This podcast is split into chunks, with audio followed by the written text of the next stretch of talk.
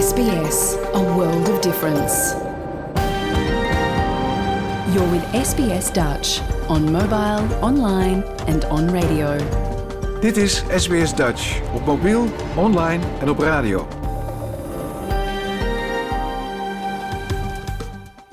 Graag erkennen wij de traditionele eigenaren en verzorgers van het land, van waar we vandaag SBS Dutch uitzenden, en uiten we ons respect aan de Camaragal mensen van de Kurungay Nation en hun ouderlingen uit het heden en het verleden.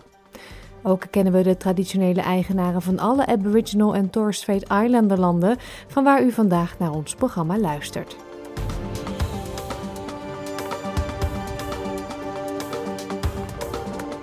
Een hele goede morgen. Mijn naam is Paulien Roesink. Het is zaterdag 12 augustus 2023 en dit is SBS Dutch, het Nederlandstalige radioprogramma van SBS. In het programma vandaag, de tiende aflevering van onze serie Leer Nederlands. Dit keer bespreekt juf Joyce twee lastige werkwoorden, namelijk hebben en zijn. Astrid van Schoonakker heeft een nieuwe boekentip voor u. De titel van het boek kan ik alvast verklappen, dat is Coopertest. En deze zaterdag hebben we ook weer het willekeurige weekoverzicht uit Nederland. En wij vinden het de hoogste tijd om weer eens wat Nederlandstalige cabaret te draaien. Dus ook dat komt straks voorbij. Dat en muziek allemaal straks, maar we beginnen met een achtergrondverhaal bij het nieuws hier in Australië. Nu de energieprijzen de pan uitreizen, betaalt een gemiddeld huishouden dit jaar meer dan 2.500 dollar aan elektriciteit. De rekening is extra schokkend hoog doordat miljoenen mensen in Australië in huizen wonen die niet energiezuinig zijn. Maar innovators hopen daar verandering in te brengen en doen een beroep op de nationale en federale regeringen. SBS Dutch. Deel onze verhalen op Facebook. Het is een frisse winterdag in Sydney's Inner West. Hier wordt een compleet flatgebouw in Alexandrië aangedreven door zonne-energie. De zon genereert meer energie dan alle 43 eenheden kunnen gebruiken. De overstap naar zonne-energie werd geleid door bewoner Nathan Haig. For this apartment, the consumption the, has gone down by about 60%, which is huge, really. Um, the biggest stumbling block, which we was about how we share the solar and share the cost, and how we come up to an equitable solution. Terwijl één op de drie huizen in Australië zonnepanelen heeft, ligt dat percentage bij appartementen veel lager. Dat komt doordat het tot voor kort onmogelijk was om de stroom van één zonne-energiesysteem te splitsen naar individuele eenheden. U hoort Christy Batista van het bedrijf Allium uit Melbourne. So, we thought we need to find a solution to this problem, and we ended up developing a world first technology, the SolShare, that allows rooftop solar to be directly connected to apartment buildings. It's a hardware and software technology that sits behind the meter near the main switchboard and allows the solar to be distributed and shared by the residents that live in an apartment building. Maar innovatie is niet goedkoop. Eén Solshare-eenheid kost 12.000 dollar, exclusief zonnepanelen of installatiekosten. Mevrouw Batista vindt dat de overheid moet ingrijpen. The climate crisis is not just an ecological crisis. It's a crisis of inequity, a crisis of inclusion. And so in order to reach our net zero targets, we need to make sure we're rolling out this technology to everyone, not just a certain section of the community. Retrofits zullen een belangrijke rol spelen in Australië op weg naar net zero uitstoot en de federale overheid weet dat. In de meibegroting was 1 miljard dollar vrijgemaakt voor goedkope leningen aan huishoudens voor energie-upgrades. Energieminister Chris Bowen zegt dat het doel is om schone energie toegankelijker te maken voor iedereen. It makes the, the playing field more level, gives people on lower incomes a better chance to make the sorts of investments they'd like to make. They know they really would, should make if they can, but they can't afford it. En dan is er ook nog 310 miljoen dollar aan belastingaftrek voor bedrijven die investeren in hernieuwbare energie en 300 miljoen dollar om sociale woningen te elektrificeren.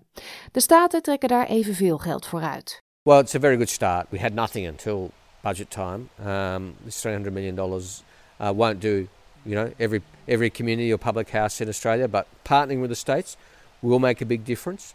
Uh, and um, let's see how that goes. Let's roll that out and then see what more needs to be done after that. Zelfs met hulp is er nog een lange weg te gaan. Het gemiddelde Australische huis heeft een energie-efficiëntiescore van 1,8 uit 10. In de zomer zijn ze te warm, in de winter te koud. Richie Moses, die huurt in Canberra, weet daar alles van. So it's currently 7 degrees in our living room. On a similar negative 3 day, it got down to 4.5 degrees, which is about the equivalent of a fridge. So, yeah, 7 degrees isn't too bad. Mitchie is architect, gespecialiseerd in energie-efficiëntie. Ze zegt dat luchtlekkage en slechte isolatie veel voorkomende oorzaken zijn van warmteverlies. Een thermische camera laat dit duidelijk zien. And as we move it around, we can actually see um, there are some cold spots up at the architraves, and you can see the gaps in the insulation as well. Maar er zijn simpele en relatief goedkope oplossingen. Basic everyday things that we can do, like draft sealing, adding insulation, that are very cost effective and um, will give you the most bang for your buck. And they're, but they're the invisible things that you, you can't really see, but they will significantly increase the thermal performance of your home. Joel Dingnam is de CEO van belangenbehartigingsgroep Better Renting. Hij roept op tot verplichte retrofits van huurwoningen in het hele land. We'd like to see state and territory governments have minimum energy efficiency standards for rentals, which would basically require landlords, if the property doesn't meet that standard, to take positive action to get it up to that standard, to make sure that it's healthy for people to live in. In Melbourne gaat deze ingenieur nog een stapje verder. We have very little regulation on any existing buildings in Australia at the moment, and there is an incredible opportunity to introduce mandatory retrofits of all buildings. Ross Harding werkt voor milieuadviesbureau Finding Infinity. Hij maakte deel uit van een multidisciplinair team dat de eerste Energie Plus renovatie van een volledig appartementengebouw in Australië heeft uitgevoerd. We've basically gone through and kind of forensically uh, upgraded it with just only the most cost-effective initiatives. So that that includes things like um, uh, replacing the glazing, uh, introduce blow-in insulation in between the, the wall cavities, put in an airtight render um, internally to the walls, replace the roof, chucked a solar system on top. We've got a centralised uh, heat pump for domestic hot water and a highly efficient VRF heating and cooling system. That's probably the probably the gist of it. Alleen al de energie-upgrades kosten 400.000 dollar. Maar het resultaat is dat huurders misschien nooit meer een energierekening hoeven te betalen. Meneer Harding is op een missie om de stad te transformeren. In Melbourne alone, there's a million buildings that need to be retrofit. Um, if we retrofit all of them, um, it would reduce Melbourne's carbon emissions by around about 55%. Hoewel retrofits van alle gebouwen geen beleid is dat Labour nastreeft, zegt de minister van Energie dat de overheid in de toekomst een grotere rol zou kunnen spelen bij energienormen. And that regulatory space around landlords is something that you know would be a discussion point I think over coming years, but nobody's rushing to make that policy uh, choice anytime soon. Een punt waar alle politieke partijen aandacht voor hebben. Dit was een verhaal van Sarah Tomewska voor SBS Nieuws, in het Nederlands vertaald door SBS Dutch. Tijd om even thuis de stembanden op te warmen met Ja zuster, nee zuster. Later in deze uitzending cabaret van de bekendste Twent van Nederland, Herman Vinkers. Maar eerst het willekeurige weekoverzicht van enkele opvallende verhalen uit Nederland. Met dank aan de NOS, RTV Utrecht en Omroep Zeeland.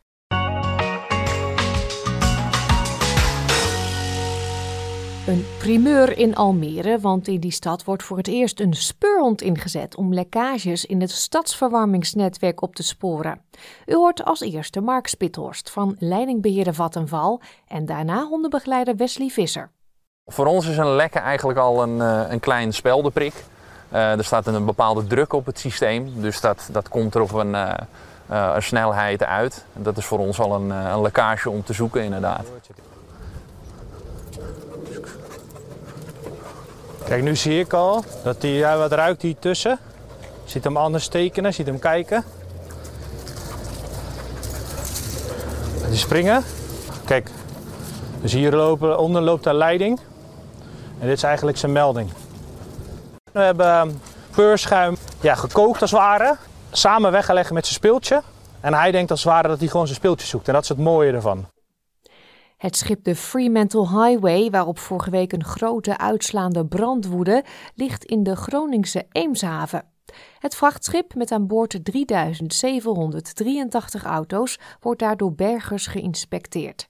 Ze kijken wat er van de lading over is en of het schip nog gerepareerd kan worden. Zo vertelt Richard Jansen van bergingsbedrijf Smith Salvage. Nou, op dit moment is de situatie aan boord uh, stabiel. En zijn onze teams uh, na de nodige inspecties en voorbereidingen bezig met het uh, schoonmaken van een bepaald deel van het schip. Om te faciliteren dat dadelijk een aantal auto's van boord zou kunnen komen. Hoeveel mensen werken daar nu binnen? Op dit moment hebben we iets van 15 mensen daar aan het werk van verschillende specialismen. Een deel is brandexpert, deel bergingsploeg. En die zijn daar bezig een kwartier aan het maken zeg maar, om verdere operaties daar in gang te zetten. Hoe lang denkt u dat, u dat u bezig bent met de hele operatie? Uh, de hele operatie is, is, lastig in te schatten. Dat zal afhangen van, uh, zeg maar van de, de, voorwaarden waaronder wij de auto's uh, van boord mogen halen. op het moment loopt er ook nog onderzoek van de Onderzoeksraad van de Veiligheid. Dus we zullen ook moeten kijken van hoe dat samengaat, die activiteiten en toestemmingen. maar we verwachten dat we hier in ieder geval nog wel een aantal weken aanwezig zullen zijn. Ben je dol op verse Hollandse vis, dan moet je momenteel diep in de buidel tasten in de Nederlandse winkels. De prijzen van bijvoorbeeld kabeljauw, zalm en tong liggen namelijk ruim 12% hoger dan vorig jaar. En de reden is niet alleen maar inflatie, zegt Ruud van Diermen, bestuurslid van de Vereniging Nederlandse Visspecialisten. De vis, ja, wat is mee aan de hand? Nou, op zich met de vis is niks aan de hand. Alleen we worden wel geconfronteerd uh, in de afgelopen uh, jaar, anderhalf jaar met uh, pittige prijsverhogingen. Twee derde van de kottenvissers is ermee gestopt of gaat stoppen. Waarom? Ja, omdat het gewoon niet meer haalbaar is of rendabel is om uh, met de huidige regelgeving te gaan vissen. Men vindt het schijnbaar vanuit de overheid belangrijker om Nederlands trots uh, af te bouwen en om uh, windparken neer te zetten. En van onze mooie vloot bierdoppen te maken. Hoe reageren uh, klanten nou op die hogere prijzen? Nou, in ieder geval een gedeelte uh, aan de onderkant van de markt zal afhaken. In volume wordt er uh, door de bank genomen wat minder ge gekocht. Alleen qua omzet als sector blijven we redelijk op peil. En we zien wel dat een consument kritischer wordt en voor andere producten, andere visproducten kiest. Op de grens van de provincies Utrecht en Gelderland ligt Fort Everdingen. Vrijwilligers daar zetten zich in voor het behoud van tekeningen die Duitse soldaten tijdens de Tweede Wereldoorlog hebben gemaakt in het fort. De schetsen bestaan voor een deel uit nazi-leuzen, maar toch zijn ze het conserveren waard, vertellen de vrijwilligers aan RTV Utrecht. Uh, met modder gooien, zoals dat tegenwoordig in de politiek ook weer gebeurt, dat gebeurde toen ook. En Churchill wordt gewoon met die wrede keizer uh, Nero vergeleken, die zijn eigen stad afbrandde uh, om eigen paleizen en optredens te kunnen doen.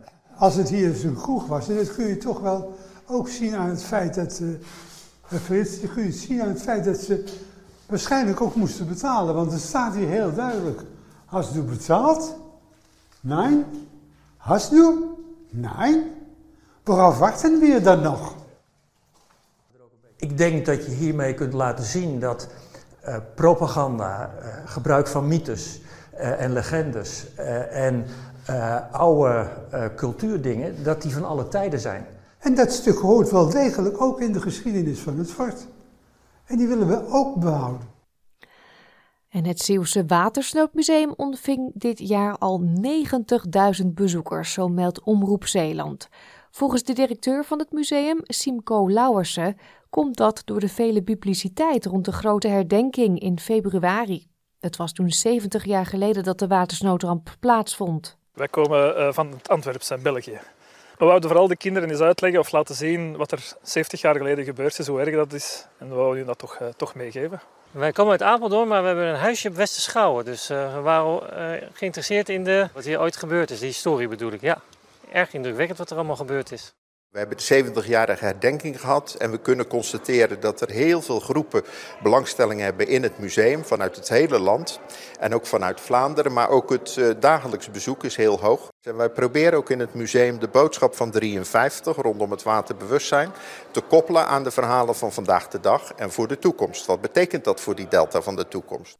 Tot zover dit willekeurige weekoverzicht van deze week. Dit keer met dank aan de NOS, RTV Utrecht en Omroep Zeeland.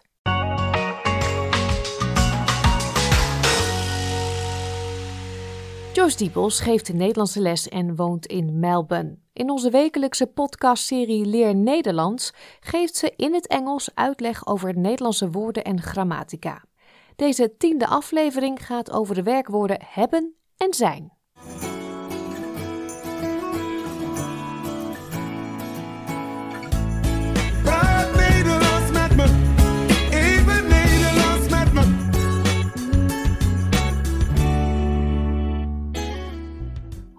Ben Joyce van Dutch with Joyce. Hi, I am Joyce, and this is another Dutch mini lesson.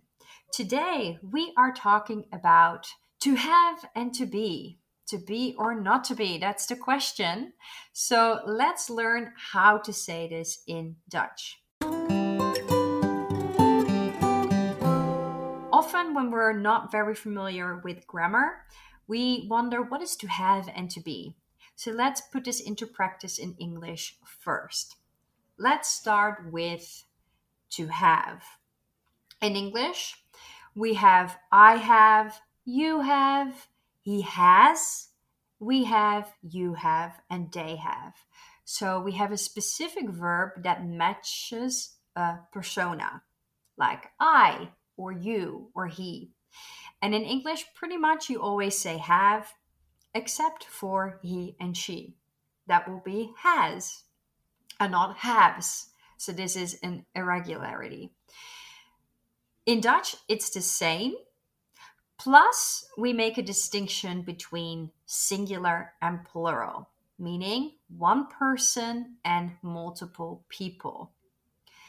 So, to say I have, we say ik heb. Ik heb. To say you have, we say jij hebt. Jij hebt. We add another T there because we're talking about another person. One other person that is not I. Jij hebt. Jij hebt. For he and she, just like English, this is an irregular verb. So we don't say hij hebt or zij hebt, which is a mistake that I hear a lot of the time. But we have to say hij heeft en zij heeft. Hij heeft en zij heeft. For our plural, we make it longer. And you can recognize that by the en after, which does mean and. So you can think of it this way, right? So if we're talking about multiple people, it's like you and I, or he and she. So ik heb, but wij hebben. And jullie hebben. And zij hebben. So we have is wij hebben, you have is jullie hebben, and they have is zij hebben. So let's put them into order one more time. Ik heb, jij hebt, hij heeft, zij heeft, wij hebben, jullie hebben en zij hebben. That is how we say to have in Dutch. Let's move on to to be. And this is often a verb that is quite known because we use it a lot. To be sounds a bit funny, but in English, I'm sure you can catch up. So we start with I am. I am is ik ben, like the boy's name Ben. Ik ben. You are is jij bent. Similar, but we add that T again. Jij bent. Just like in English, we have an irregular verb here and we go he and she is. Lucky for you, we say the same thing. Hij is and zij is. We do, however, define the S a bit more. Not is, which sounds almost like a Z, but is. Very nice and clear.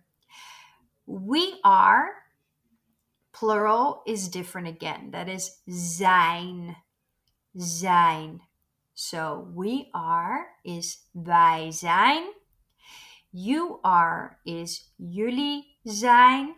And they are is zij zijn. So let's do this list one more time. Ik ben, jij bent, hij is, zij is, wij zijn, jullie zijn, zij zijn. Lots of verbs to work with.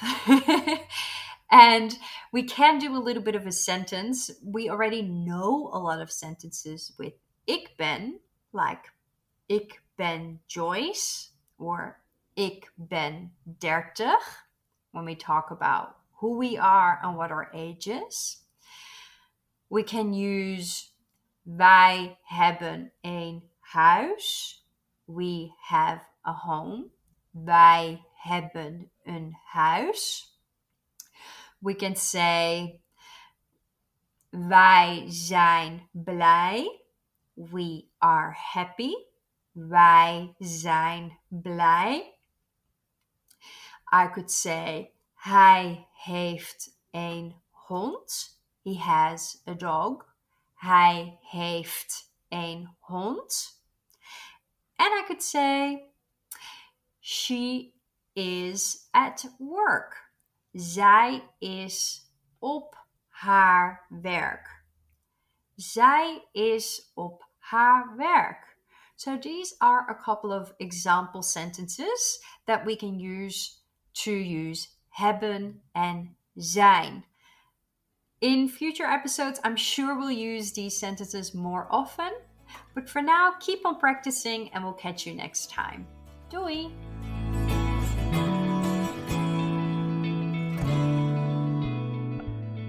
En net zoals altijd zijn ook deze keer de voorbeeldwoorden en zinnen uit de les terug te lezen op onze website www.sbs.com.au/dutch. Hier staan ook alle eerdere afleveringen van deze podcastserie. Het is de hoogste tijd weer voor muziek. Dit is Frans Bauer met Heb je even voor mij. Het lezen van een Nederlandstalig boek is natuurlijk een prachtige manier om de Nederlandse taal bij te houden.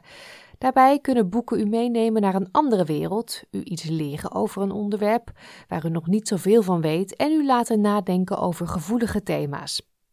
Astrid van Schoonakker is dol op lezen en bespreekt iedere maand bij SBS Dutch een boek. Vandaag is dat het boek Coopertest van schrijver D.S. Daluiso. Jouw gemeenschap, jouw gesprek, SBS Dutch. Astrid, de titel van het boek van deze maand is Coopertest. Nou ja, dan krijg ik meteen een beroerte, want dan denk ik terug aan mijn schooltijd. Dat je binnen de piepjes van lijntje naar lijntje moest rennen. Had jij dat ook? Ja, ja dat was ook wel uh, mijn eerste associatie uh, toen ik deze titel kreeg. Toen dacht ik, uh, Coopertest, ik denk ja, daar, kan je zeker wel een mooi beeld voor gebruiken en daar een verhaal aan ophangen. Maar toch bleek dat niet zo te zijn. Want ik, ik kreeg de tip van een vriend van mij. Toen ben ik het gaan lezen en toen kwam ik er eigenlijk al snel achter dat de Coopertest niet verwijst naar die vervelende test die we allemaal hebben moeten doorstaan op de middelbare school. Het wordt ook echt niet genoemd, in het hele boek niet. Maar uh, de hoofdpersoon heet Cooper. En wat ik wel integrerend vond als je het boek bekijkt, um, dan zie je aan de voorkant is Cooper en Test uit elkaar gehaald. En uh, op de rug van het boek zie je Cooper Test. En ik weet niet of dat iets typografisch is, maar er staat Cooper en Test lijkt wel ook uh, los van elkaar. Terwijl op het titelblad het dan wel weer aan elkaar staat. En ik dacht eigenlijk, is het nou Cooper test? Zoals zijnde van Cooper als persoonsvorm. Uh, en, en, uh, of is het nou uh, dat een Cooper test, dus dat, dat Cooper een test krijgt? dus misschien dat het zo meteen wat duidelijker wordt als ik iets meer over het boek vertel. Want het is een debuutroman van deze schrijver, uh, D.S. Uh, Daloisio, als ik het op zijn Italiaans goed uitspreek. Hij heeft daarvoor wel veel gedichten en uh, verhalen, die hij dus ook live op een podium met improviserende muzikanten brengt. Maar dit is dus zijn eerste roman. En die roman is denk ik ook sterk autobiografisch. Want hij heeft natuurlijk zelf ook een Italiaanse achternaam. En het boek gaat over, zoals gezegd, Cooper. Cooper is een jongetje die heeft twee broers. En als het verhaal begint, dan zitten we in 2010. Dan begint het verhaal met dat Cooper bij zijn moeder komt. Die heeft een appartement in Eiburg in Amsterdam. En gaat het echt op dat moment heel erg slecht met zijn moeder. Ze heeft zichzelf vervuild, haar appartement. Eh, ze is ook helemaal de weg kwijt. Ze is ook suicidaal. Dus dan krijg je als lezer gelijk wel even de setting uh, neergezet van zo, er is hier echt wel wat aan de hand.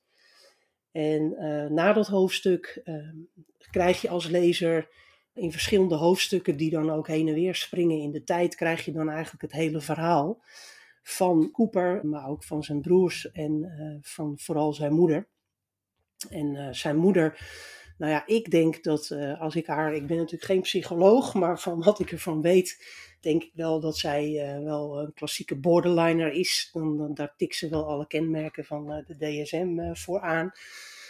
En dat maakt eigenlijk ook het feit dat ze ook zelf op jonge leeftijd is misbruikt en een hele slechte start in haar leven heeft gehad. Brengt ook dat ze ja, eigenlijk het onvermogen heeft om een goede moeder te zijn. En dat blijkt ook wel uit het verhaal, want het tweede hoofdstuk dat gaat terug naar de tijd dat Cooper 11 is. Dan woont hij in Drachten. De biologische vader is dan al uit beeld. Later blijkt dat een uh, Italiaan te zijn, die als gastarbeider naar Nederland kwam, maar ook weer terug is gegaan.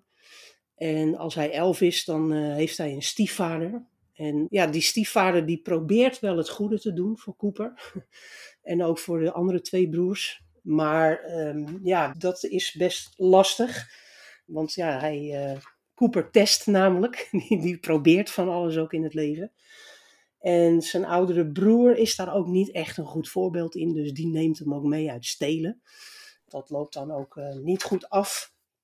En langzamerhand in, in die prepuberteit gaat het dan van kwaad tot erger. Uh, dus op een gegeven moment, nou ja, hij wordt ook punk. Hij gaat zich kleden als punk en heeft vrienden waarmee hij zich dan buiten als het ware de andere plaatst. En nou ja, in Drachten daar hangt hij dan. En als er dan harde muziek is, dan is er een, een, man die daar iets van zegt.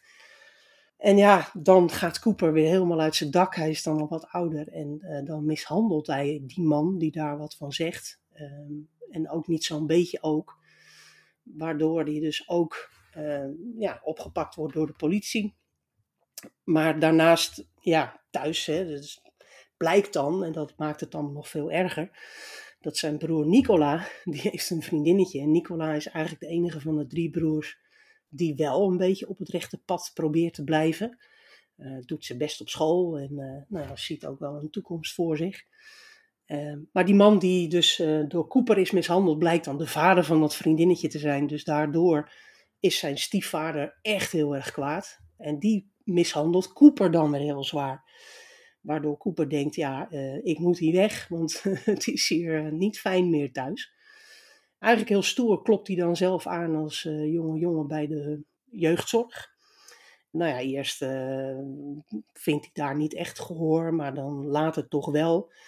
Dus zij plaatsen hem uit huis en dan komt hij voor het eerst in een gastgezin terecht. Nou ja, hoe dat dan, dan gaat, of toen ging eigenlijk, daar wil ik een klein stukje over voorlezen. Oké. Okay. De voordeur ging open. Een gebruinde man met grijs haar, een rode broek en een gele polo stapt met ferme passen op me af. Hij had een vriendelijke glimlach en stak zijn hand naar me uit. Jarig, zei hij. Hij gaf me een stevige hand. Nee, antwoordde ik verbaasd. Ik keek om naar Puk, die lachte. Ja, zo heet ik, zei de man. Jarig. We gingen naar binnen. Parketvloer, piano, planten, een open keuken. In de achtertuin een vijver, een basketbalpaal, een picknicktafel en een barbecue. Ik kreeg een glas 7-up en we namen met z'n zessen plaats aan de keukentafel. Dit is Cooper, zei Puck. Eigenlijk heet hij Tommy, maar iedereen noemt hem Cooper, dus dan laten we het maar zo. Tommy Cooper? De tweeling keek elkaar aan en ze schoten in de lach. Ik liep rood aan. Mijn moeder was fan van Tom Jones, dus ze noemde me Tommy. Toen ik klein was wilde ik autocoureur worden en noemde ze me Cooper. Van de Mini. En nu zegt iedereen Cooper. Ik nam een slok van mijn 7-up. De moeder boog over de tafel en gaf me een hand. Marielle, zei ze. En dat zijn Frank en Paul. Jongens? Ook de jongens gaven me een hand. Jaren ging staan. Ik mag namens het hele gezin zeggen: van harte welkom, Cooper. Ik hoop dat je het hier naar je zin zult hebben en dat we je verder kunnen helpen op het pad van je toekomst. De jongens zullen je zo het huis laten zien en de kamer waar je voorlopig kan verblijven. We hebben een paar regels waar je je aan dient te houden. We eten om half zes. Om tien uur gaan we allemaal slapen. Als je de deur uitgaat, laat je ten alle tijde weten dat je gaat en waar je naartoe gaat. Er wordt hier niet gevochten of gescholden en je zorgt zelf dat je kamer ten alle tijde netjes is. We zijn een gelovig gezin, dus zullen Gods naam niet ijdelijk gebruiken. Is dat duidelijk? Ik knikte braaf. Ben je gelovig opgevoed? Ja, mijn moeder las vroeger wel eens voor uit de kinderbijbel. En soms gingen we naar de kerk. Maar daar zijn we al een tijd niet meer geweest. Ik vertelde er niet bij dat Emma ons, na de mis met kerst, waar we de hele dienst hadden lopen klieren, op het plein voor de kerk, die net helemaal uitgelopen was, uit alle macht het verrot hadden gescholden. Dat we godverdomme een keer moesten ophouden met het gekloot, godverdomme. Het hele plein viel stil. Alle hoofden draaiden onze kant op. Nicola kreeg als eerste de slappe lach. In de auto terug kon ook Emma een lach niet onderdrukken. Daarna zijn we nooit meer naar de kerk geweest. Jarig keek naar Puk. Die haalde zijn schouders op. Laten jullie Cooper zijn kamer zien? vroeg Marielle aan Paul en Frank. Tegelijk schoven ze hun stoel naar achteren en plaatsten ze weer terug onder de tafel. Ik stond op en volgde ze naar boven.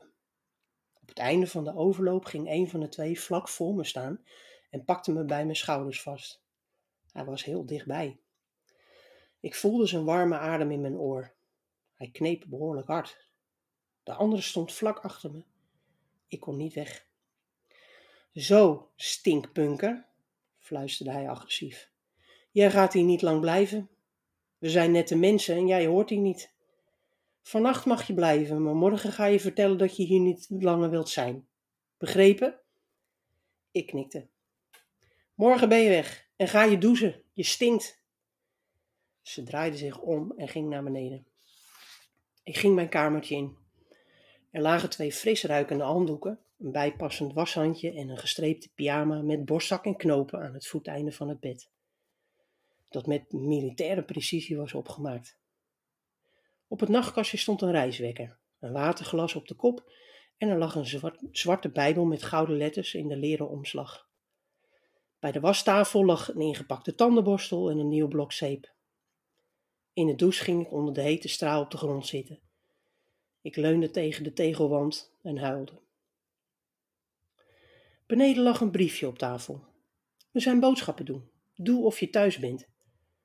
Ik schonk nog een 7-up in en plofte op de bank. Ze hadden een kleuren-tv met afstandsbediening. Ik kon van zender wisselen zonder op te staan. Ik ging alle kanalen tien keer af, maar er was niks op. In de platenkast stonden voornamelijk LP's van christelijke duo's en mannenkoren, maar ze hadden ook Happy Summer Party van James Last. Ik ging naar mijn kamertje en kamer met een echte deur in plaats van mijn kapotte plastic harmonica deur thuis. Ik wurmde me tussen de strakke lakens en de stof voelde aangenaam koel. Ik was stijf ingepakt, als een aangename dwangbuis. Ik sloot mijn ogen. De radiator tikte. Ze hadden centrale verwarming. Thuis hadden we alleen maar gaskacheltjes. Nou, dat uh, klinkt als een uh, ruige start. En eigenlijk wil ik je vragen of we vaker kunnen dat je het hele boek aan me voorleest. Want ik uh, hang aan je lippen. en dan zullen we iets wat langer de tijd ervoor moeten uittrekken. Maar ja, nee, dit, is, um, dit, dit fragment laat wel goed zien. Dit is dan het eerste gastgezin. En nou ja, ik kan hem wel verklappen dat die tweeling, die krijgen hun zin. want die verzinnen iets, een, een slinks trucje om hem ja, uit huis te krijgen. Dus hij vindt nog wel wat, hij komt weer nog bij een ander gastgezin en dat werkt ook weer niet. En ja, dan zie je eigenlijk al heel sneu als je dat leest. Dan voel ik mee met zo'n jongetje die eigenlijk heel veel dingen mist in zijn jeugd. Eigenlijk ook niet zo goed weet wat hij mist. Want net als in dit fragment ook, dan gaat hij zo lekker in een opgemaakt bed slapen. En dan slaapt hij ook heel goed en hij voelt zich beschermd met die lakens. En ja, dat vind ik toch wel heel mooi hoe de schrijver dat doet. Ik weet niet of hij dat bewust heeft gedaan, maar als je natuurlijk als kind in zo'n rot situatie opgroeit, dan weet je vaak ook niet hoe het bij anderen is. En dan is jouw omgeving, wat daarin gebeurd is, dan eigenlijk de standaard. Ja, dan ervaar je zelf ook niet natuurlijk, heb je de context niet om te, te denken van ik heb het heel erg of ik heb het heel zwaar. En dat ehm, houdt het ook wel mooi licht in het boek. Ehm, terwijl die eigenlijk allemaal uh, heel veel rotdingen later meemaakt. Want nou ja, hij komt dan toch uh, via zijn moeder, die dan een nieuwe vriend krijgt komt hij ook terecht en zijn moeder ook in Amsterdam. Maar dan komt hij er al snel achter dat die nieuwe vriend is een dealer, een drugsdealer in uh, de jaren tachtig in, in Amsterdam. Uh, en zijn moeder, hij komt er dan ook achter dat zijn moeder zich prostitueert. en dat is natuurlijk ook niet leuk voor een jongen in de puberteit om dat te horen. Wordt hij wel door de medewerker van jeugdzorg wordt hij opgegeven voor de IFCO. Dat is een bestaande school in Amsterdam nog steeds, waar kinderen is een middelbare school die ook heel veel aan kunst doet. Dus uh, waar kinderen heel veel van hun creativiteit ook kwijt kunnen. En uh, ik denk dat dat ook heel goed voor hem was geweest. Als hij daar ook op die school, nou ja, als hij regelmatig naar school was gegaan. Maar goed, hij, hij verzuipt natuurlijk in die wereld van drugs en drank. En, en ook met zijn moeder. En die kent ook dan Herman Brood. En daar komt hij ook over de vloer. Ehm, dus het gaat allemaal van kwaad tot erger. En op een gegeven moment, ehm, nou ja, dan raakt hij echt de bodem. En dan is er gelukkig iemand, een ene Bartel, die hem eigenlijk letterlijk en figuurlijk van de straat afplukt. En hem in huis neemt. En dan lijkt het eventjes uh, beter te gaan. Dan komt hij ook een, uh, een vrouw tegen. Ilse. En uh, nou ja, die wil wel kinderen. En die wil hij wel met haar. Dus ze gaan ook echt huisje, boompje, beestje. Krijgen ook twee kinderen. Maar ja, dat zonder al te veel te verklappen, lukt het dan toch weer niet echt helemaal om, uh, om dan op het rechte pad te blijven. En gaat hij toch op een gegeven moment, als zijn moeder zo slecht gaat, dat zijn dan de andere hoofdstukken in het boek, dan uh, krijgt hij het voor elkaar dat zijn moeder wordt opgenomen voor het eerst. Nou ja, dat is natuurlijk een heel goed idee, want ja, zij kon zo in dat appartement niet meer blijven leven. Maar dat trekt natuurlijk ook wel een zware wissel op hem. Dat heeft het zijn hele leven al gedaan. Want het is natuurlijk heel moeilijk om met iemand die borderliner heeft, om daarmee te moeten samenleven. En dan tot overmaat van ramp krijgt hij dan ook nog eens het uh, bericht dat zijn vader in Italië ongeneeslijk ziek is. En die heeft hij eigenlijk pas weer ontmoet op het moment dat hij met die Ilse is gaan trouwen. dat heeft zijn broer Nicola geregeld. Die is dan een succesvolle sterrenkok en uh, die heeft, had wel al contact met zijn vader. En uh, nou ja, daar moet hij dan ook nog eens naartoe. En uh, dat komt dan eigenlijk samen met dan ook weer het nieuws dat het eigenlijk heel slecht gaat met zijn moeder.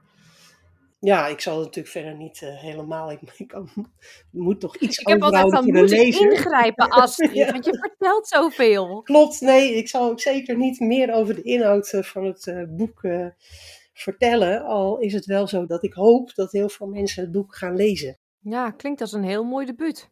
Zeker, ja. En uh, ik begreep al dat hij ook nu aan een tweede roman schrijft. Dus uh, die staat al uh, weliswaar zonder titel, maar wel al op mijn lijstje. Dankjewel Astrid. Graag gedaan. Alle boekentips van Astrid, en dat zijn er inmiddels al meer dan 20, zijn terug te luisteren op onze website www.sbs.com.au/dutch. Klik bovenaan onze homepage op het tapje podcastseries en dan op Astrid's boekenkast. Muziek nu, dit is Stef Bos met het prachtige Papa. We hebben vandaag tijd voor een stukje cabaret van Nederlandse bodem. Herman Vinkers maakte in 1990 de voorstelling De zon gaat zinloos onder, morgen moet hij toch weer op. En het volgende fragment komt uit deze voorstelling. Dit is de altijd droge Herman Vinkers.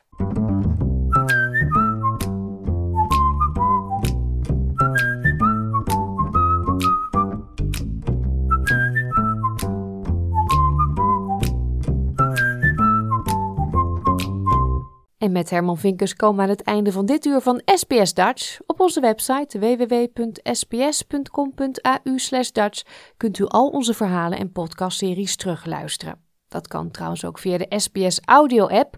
Deze is gratis te downloaden in de Apple Store en Google Play. En heeft u deze app al, dan raad ik u aan om hem even te updaten. Er is namelijk een nieuwe versie van de app beschikbaar, maar updaten gaat niet automatisch. Dus ga ook daarvoor naar de Apple Store of Google Play.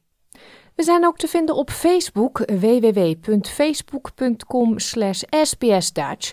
Geef ons daar een like en blijf op de hoogte van ons programma. We vinden het ook altijd leuk als u reageert, want dan zien we wat er leeft in de community. We eindigen vandaag met Het Land van Maas en Waal van Boudewijn de Groot. Ik wens u een heel fijn weekend en graag tot woensdag. Like, deel, geef je reactie. Volg SBS Dutch op Facebook.